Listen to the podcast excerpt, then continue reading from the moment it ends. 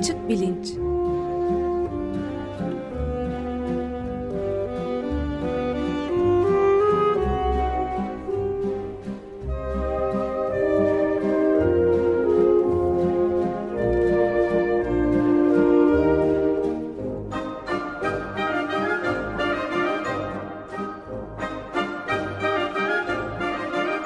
Güven Güzeldere ile bilim ve felsefe sohbetleri. Günaydın Güven Bey, merhabalar. Günaydın Ömer Bey. Günaydın Güven Bey, merhaba. Can günaydın.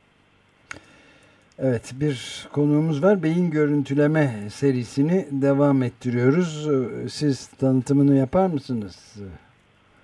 Tabii, bugün konuğumuz Boğaziçi Üniversitesi'nden doçent doktor Burak Acar. Ee, hoş geldin Burak. Hoş bulduk. Hoş geldiniz. Hoş geldiniz.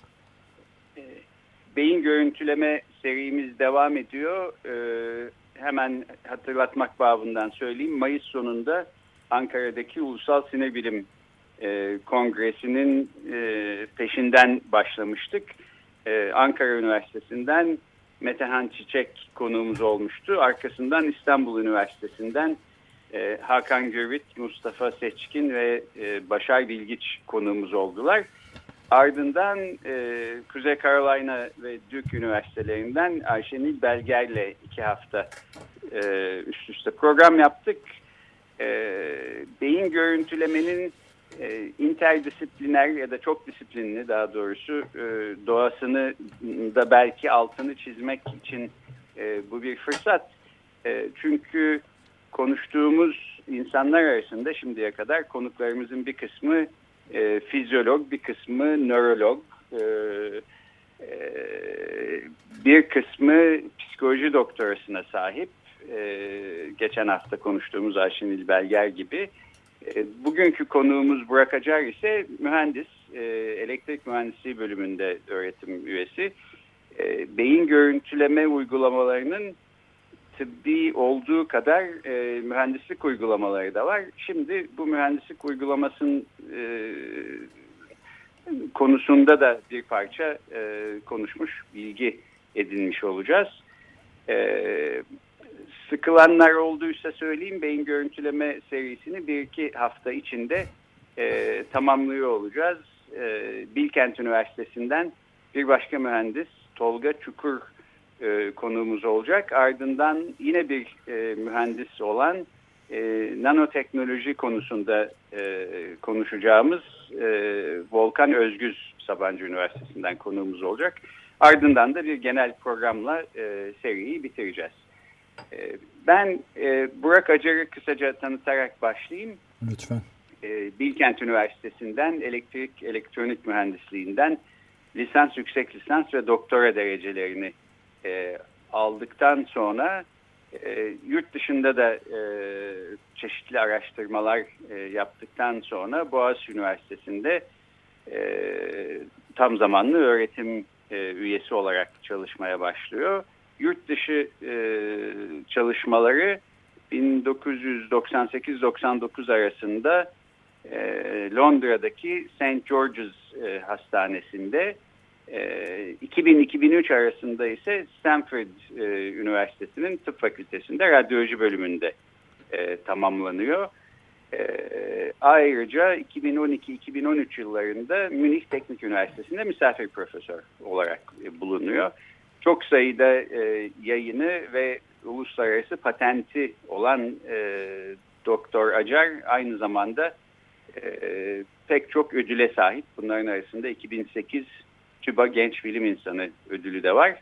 Ee, çalıştığı alanlar arasında nörolojik ve psikiyatrik hastalıklarda şebeke modellemeleri ve özellikle Alzheimer's hastalığına uygulanması da söz konusu. Nitekim e, bugün programın sonuna doğru e, 30-31 Temmuz günlerinde Boğaziçi Üniversitesi'nde yapılacak bir çalıştaydan da biraz bahsedeceğiz ve e, Doktor Acar bu çalıştayı duyuracak. E, mühendislik uygulamalarının e, yapısal ve işlevsel e, beyin e, şebekelerini anlamak konusunda demansa e, olan alakasını e, e, inceliyor olacak bu, bu çalıştay. İlgilenebilecekler için e, gerekli bilgileri programın sonunda veriyor olacağız. E, ben Burak Acar'ın e, akademik çalışmalarının yanı sıra üniversite sanayi işbirliği üzerine de aktif olarak e, çalışmakta olduğunu ve inovasyon konusuyla özellikle ilgilendiğini de e, belirterek e, sözü şimdi kendisine vereceğim. Önce e, Boğaziçi Üniversitesi'nde yürütmekte olduğu volümetrik analiz ve görüntüleme e, laboratuvarının çalışmalarından ve kendi araştırmalarından biraz bahsedelim istiyorum. Arkasından da e, bu Boğaziçi Üniversitesi'nde yapılacak olan e, çalıştaya e, döneriz. E, Burak nereden başlayalım? Ben size özetle bizim grubun WAVLab, e, volümetrik analiz ve e, görüntüleme laboratuvarının e, kapsadığı alanı anlatayım büyük başlık altında. Sonra oradan hızlıca bugünün konusu olan medikal görüntüleme ve beyin görüntüleme konusuna gireyim ve o konuda yaptığımız çalışmalardan bahsedeyim WAVLab e, çerçevesinde. Aralarda sorular tamam. olursa onlara cevap vererek ilerleyelim. Uygun herhalde değil mi? Tabii. Tamam çok iyi. Belki bu e, laboratuvarın ismini veren volümetrik analiz ve görüntüleme nedir? Bundan ne kastediliyor? Oradan e, başlayabilir miyiz? Tabii oradan başlayabiliriz ama laboratuvarların isimleri laboratuvarlar ilk kurulduklarında e, seçilmeye çalışılıyor ve oldukça o alanda yani hangi alanda çalışmak istiyorsanız o alanı kapsayıcı bir isim bulmaya çalışıyorsunuz ve biz de öyle yaptık. Volümetrik analiz ve görüntülemeden kastım aslında benim çok boyutlu verilerin analizi ve görselleştirilmesi. Burada bu çok boyutlu veriler bir boyutlu ses dalgalarından veya işte elektrik sinyallerinden iki boyutlu görüntülere, üç boyutlu hacimsel görüntülere, dört boyutlu görüntü zaman sinyallerine ve bu şekilde artarak giden datalar. Bizim e, WAVLab içerisinde yaptığımız çalışmaların ana başlığı aslında sinyal ve görüntü işleme. Yani sadece tıbbi görüntüler veya sadece tıbbi sinyaller değil. Ama spesifik olarak benim hem doktora çalışmalarım hem doktora sonrası çalışmalarım da zaten o alandaydı. Tıbbi görüntüler ve tıbbi sinyallerin işlenmesi üzerine biz e, daha çok çalışıyoruz. Bu tıbbi görüntü ve tıbbi sinyallerden kasıt da bilgisayarlı tomografi ve MR sinyallerinin incelenmesi, analiz edilmesi, iyileştirilmesi, bu verilerden e, tıbbi, klinik bilgiler çıkarılması şeklinde özetlenebilir. Bunun da bir alt dalı beyin görüntüleme. Tamam. Ee, siz ama beyin görüntülemenin yanı sıra başka organların görüntülemesi konusunda da çalışıyorsunuz değil Tabii, mi? Yani... Mesela sanal kolonoskopi diye bir e, şeyiniz var, projeniz var. Ee, evet sanal kolonoskopi mesela bunlardan bir tanesiydi. Yani üç boyutlu bilgisayarlı tomografi görüntülerinin içerisinde bilgisayar metotlarıyla yani algoritma geliştirip bunları bilgisayara programlayarak e, polipleri yani bağırsak kanserinin başlangıcı olan yapıları otomatik olarak bulmaya yönelik şu araştırmalar da bunlar. Patentlerin bir kısmı da zaten buradan. Ee, onun dışında kasların çalışmasına yönelik e, bizim biyomedikal mühendisliği enstitüsünden Can Yücesoy'un yürüttüğü bir projede araştırmacı olarak bulunduk ve onlara onların projesindeki MR analizi konusunda yardımcı olduk. Oradan da bazı yayınlar çıktı. Ee, başka bir konuda mesela karaciğer hastalarından e, karaciğerlerinin BT görüntülerinden yani bilgisayar tomografi görüntülerinin analiz edilmesi, otomatik olarak anote edilmesi yani e, bir radyoloğun bir bilgisayarlı tomografi görüntüsünü incelediğindeki hazırladığı raporu hazırlamasına bilgisayar destekli olarak yardımcı olmak. Yani onu etiketlemek veriyi. Ondan sonra bu etiketleri kullanarak da benzer hasta e, arama motoru yapmak da başka bir projeydi. Evet, demin... Tamam yani e, pardon buyurun. Pardon bir tek e, parantez soru e, sormak istedim. Demin dört boyutlu diye bir şey de söylediniz. Dört boyutlu ne demek? Dört boyutlu, e, üç boyutu hacim yani uzam, uzay, x, y, z diyebiliriz mesela. E, dördüncü boyutta zaman. Ha, onu da içine alıyor. Evet, evet yani anladım. mesela şeyde e, bu beyin görüntülemedeki fMRI işlevsel MR dataları dört boyutlu datalardır. Yani beynin değişik zaman anlarında alınmış üç boyutlu görüntülerinden oluşan bir seri. O zaman dört boyutlu oluyor. Bunlar entegre ediliyor birbirine yani öyle mi? Evet yani bir, bir video nedir? Arka arkaya değişik zamanlarda alınmış iki boyutlu görüntülerdir. O yüzden bir video aslında üç boyutlu veridir. İkisi evet. uzaydır, birisi zamandır. O video görüntüleri video değil de hacimler olduğunu düşünürsek, küpler olduğunu düşünürsek bu da dört boyutlu olur. Hı, anladım. Yani ben de şöylece e, toparlayayım belki. İnsan vücudunun değişik yerlerinden e, görüntü alarak teşhis ve tedavi yapmaya çalışan hekimlerin bu görüntüleri almaları için kullandıkları, kullanabilecekleri e, aletlerin, modellerin e, bulunması, geliştirilmesi, iyileştirilmesi bunlar hep e, sizin ve sizinki gibi laboratuvarların çalışmaları sonucunda e, ortaya çıkıyor. Öyle anlıyorum değil mi? Evet, e, biraz daha spesifik söylemem gerekirse aslında o tip cihazlardan çıkan görüntülerin üzerinde çalışıyoruz biz. Cihazların e, üretilmesi veya yeni görüntüleme teknolojilerinin çalıştırılması değil, var olan görüntüleme teknolojileriyle alınan görüntülerin veya verilerin işlenmesi ve görselleştirilmesi, analiz ve görselleştirme oradan geliyor zaten. Evet, bu da elektrik elektronik mühendisliğinin ve biyomedikal mühendisliğinin tıp alanıyla işte temas evet. ettiği, işbirliği yaptığı evet. herhalde en önemli alanlardan. Ee, peki üstünde özellikle çalıştığınız e, konulardan bir tanesi mesela demans. E, bu, bu konuda e, son araştırmalardan biraz bahsetmek ister misin? Ee, ben demans konusunda aslında bu konuya nereden girdik, nasıl girdik ve şu anda o proje kapsamında neler yapmaya çalışıyoruz ondan bahsedeyim. Ee, beyin görüntülemede iki tane ana başlık var. Bir tanesi işlevsel e, görüntüleme, bir tanesi de yapısal görüntüleme. İşlevsel görüntüleme bu fMRI e, modalitesiyle alınan görüntüler. E, yapısal görüntülemede difüzyon MRI, DMRI ile alınan e, görüntüler. Bunlardan bir tanesi beynin e, yapısal olarak bağlantılılığını bağlantılılığını e, size gösteriyor. Yani bir hat, bir şebeke gösteriyor. Birbirine bağlı kablolarla bağlı nodlar, düğümler şeklinde düşünebilirsiniz. İşlevsel harita ise birbiriyle korele çalışan, birbiriyle ilintili çalışan bölgeleri belirlemeye çalışıyor. Şimdi doğal olarak beyin nasıl çalışıyor diye düşününce insanın aklına şu geliyor. İki nokta birbiriyle bir bağlantısı varsa bunlar birlikte de çalışıyorlardır. O zaman yapısal bir bağlantı varsa iki nokta arasında, iki bölge arasında o zaman işlevsel bir bağlantı da olması lazım. Bir ilişki de olması lazım. Ama bunlar farklı modaliteler tarafından ölçülüyorlar. Ve bu öngörü e, mantıklı olmakla birlikte yetersiz. Çünkü birbiriyle arasında doğrudan bağlantı olmayan bölgeler de birlikte çalışabilirler. Çünkü aralarında iletişimi sağlayan bir üçüncü bölge, bir dördüncü bölge olabilir. Ee, o zaman beynin nasıl çalıştığına dair sadece yapısal ağlara, şebekelere veya işlev, e, işlevsel şebekelere bakmak büyük resmi tam olarak size göstermiyor. Bunları bir arada kullanmak gerekiyor.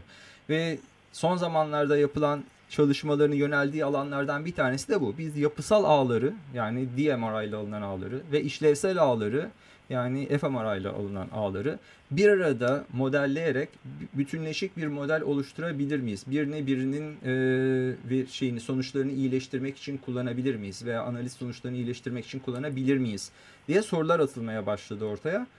Bizim yaptığımız projede aslında bunu yapmaya çalışıyor. İşlevsel ve yapısal beyin ağlarını veya şebekelerini e, farklı modalitelerden gelen bu verileri birbiriyle birleştirerek bütünleşik bir şebeke modeli oluşturmaya çalışmak. Sonra bu oluşturulan şebeke modelinin de klinik olarak bazı bir gösterge olup olmadığını yani biomarker olup olmadığını değişik uygulama alanlarında test etmek. Uygulama alanı olarak seçilen de demans burada.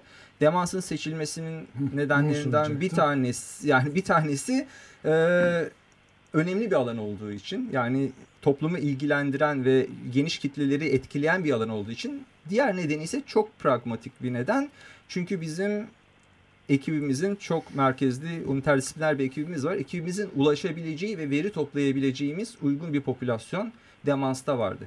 Biz bu projede e, İstanbul Üniversitesi'nden Hakan Gürvit, Başar Bilgiç, Aslı e, Tatlıdede ve Tamer Bilgiç, e, Tamer e, Demiralp'le birlikte çalışıyoruz. E, Koç Üniversitesi'nden Alkan Kabakçıoğlu ve Şule Yazıcı var.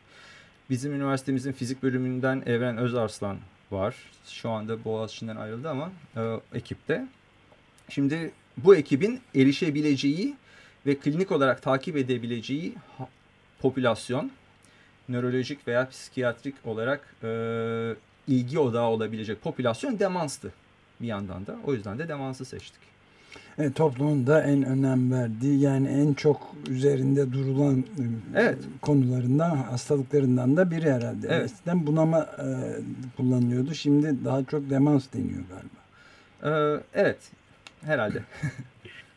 e, birkaç hafta önce de e, dinleyenler hatırlayacaklardır. E, Doktor Başar Bilgiç e, olağan durum şebekelerinden bahsederken bu şebekelerdeki bozulmanın Alzheimer hastalığının erken e, belirteçlerinden bir tanesi e, olabileceğine değinmişti. E, bu e, şebekelerin e, hem işlevsel hem yapısal olarak e, incelenmesi konusunu biraz o zaman da konuşmuştuk. Yani şöyle anlıyorum e, e, yapısal olarak birbirine bağlı olan yerler ya da bir şebeke oluşturan e, bir bölge e, illa doğrudan işlevsel bir e, bağlantılılığa sahip demek belki yetersiz senin anlattığın gibi. işlevsel e, bir e, bağlantılılık gördüğümüz zaman da bunun illa doğrudan bir yapısal bağlantılılık e, e, getirmesi yanında gerekmiyor. Çünkü belki bir e, işlevsel olarak birlikte çalışan komponentlerin e, ortak olarak bağlı olduğu bir başka e, e, alan olabilir. Dolayısıyla doğrudan arada bir yapısal bağlantılılık olmayabilir.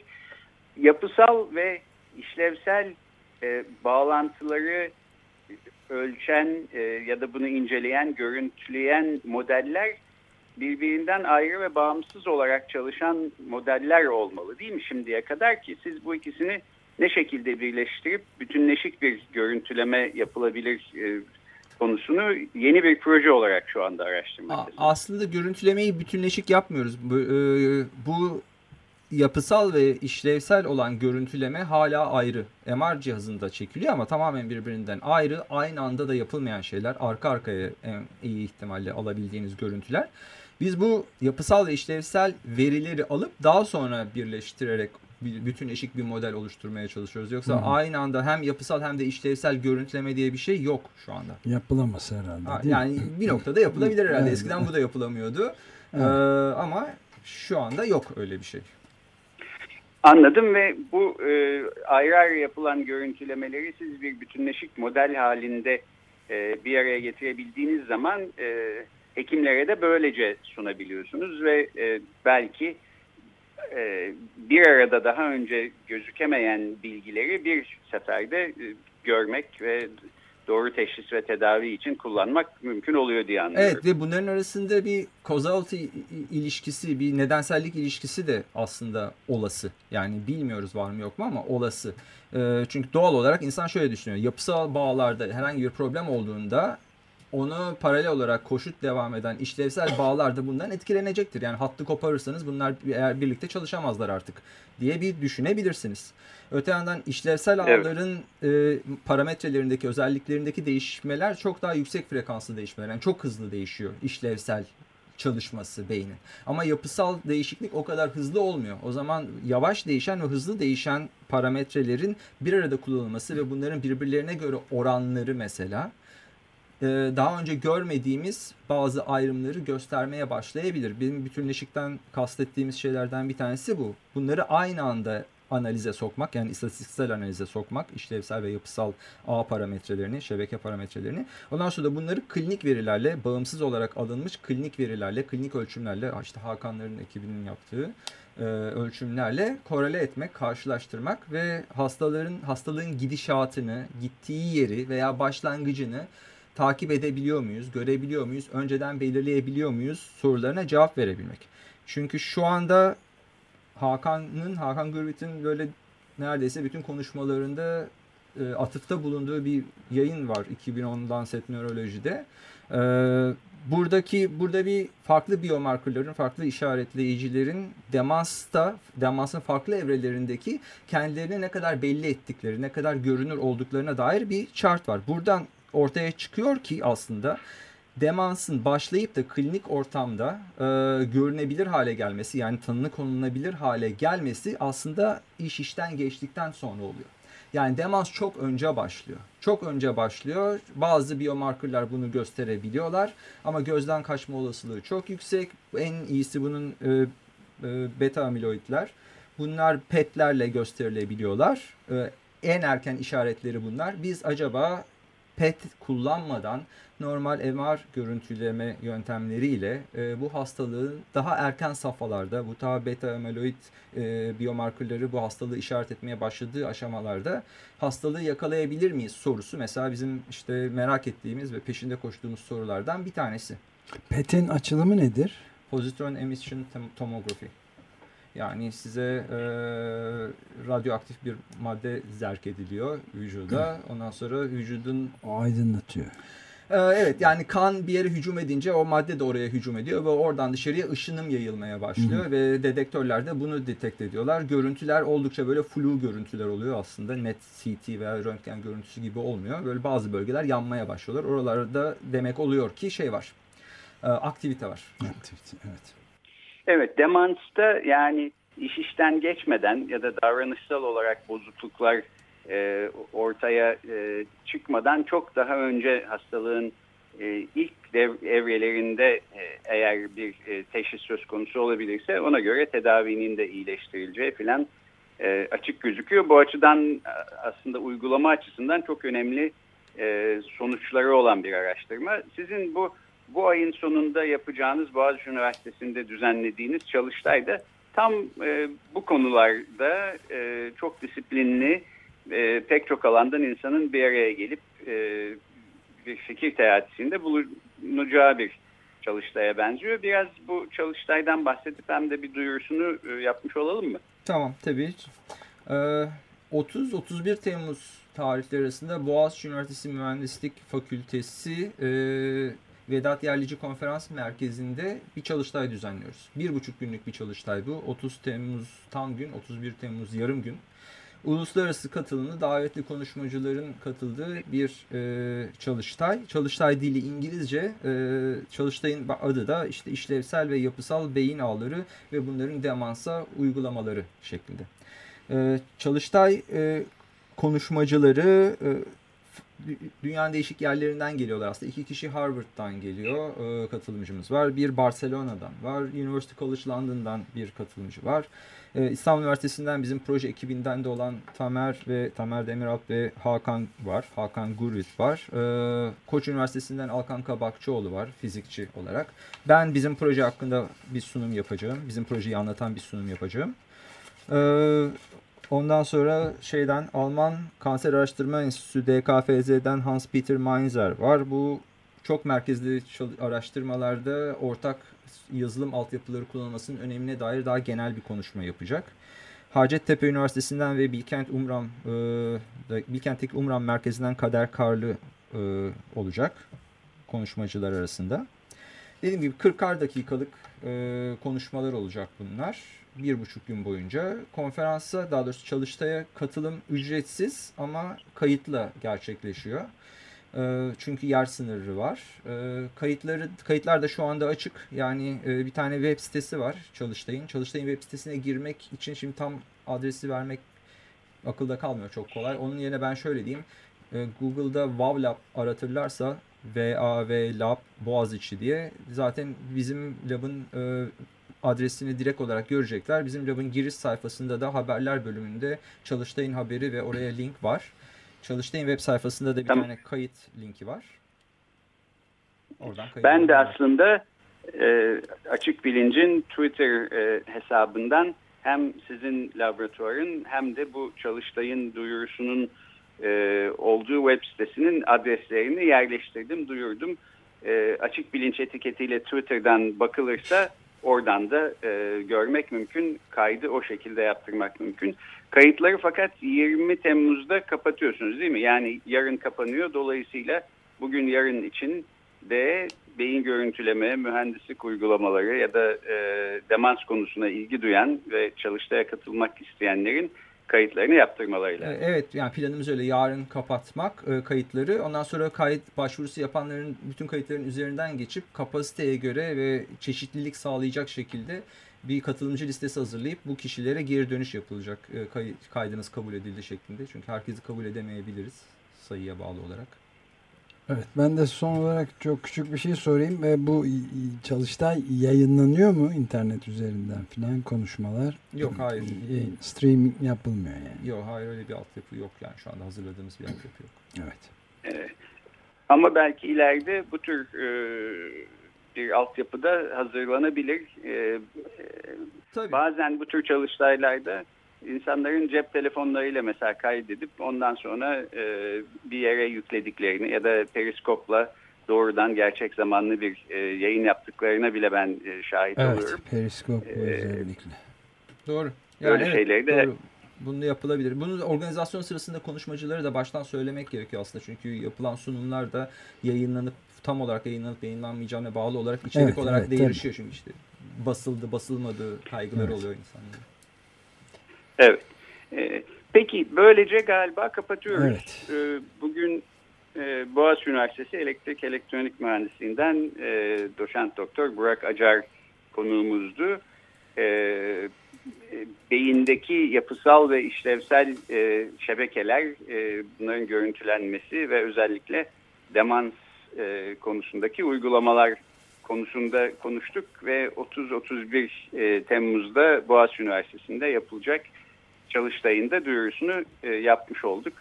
E, beyin görüntüleme serimiz e, devam ediyor. Birkaç hafta daha e, beyin görüntülemenin çeşitli e, yollarını, e, yöntemlerini e, konuşmaya devam ediyor olacağız.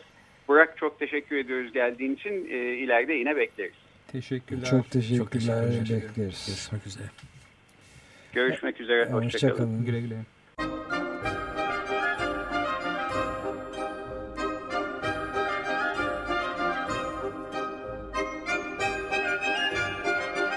Açık Bilinç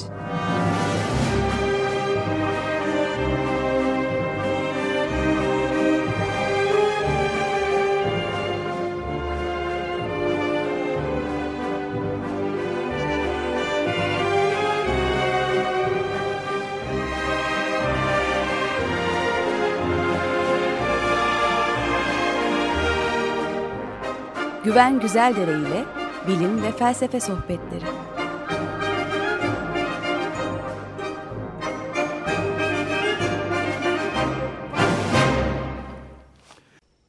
Radyo program destekçisi olun. Bir veya daha fazla programa destek olmak için 212 alan koduyla 343 41 41.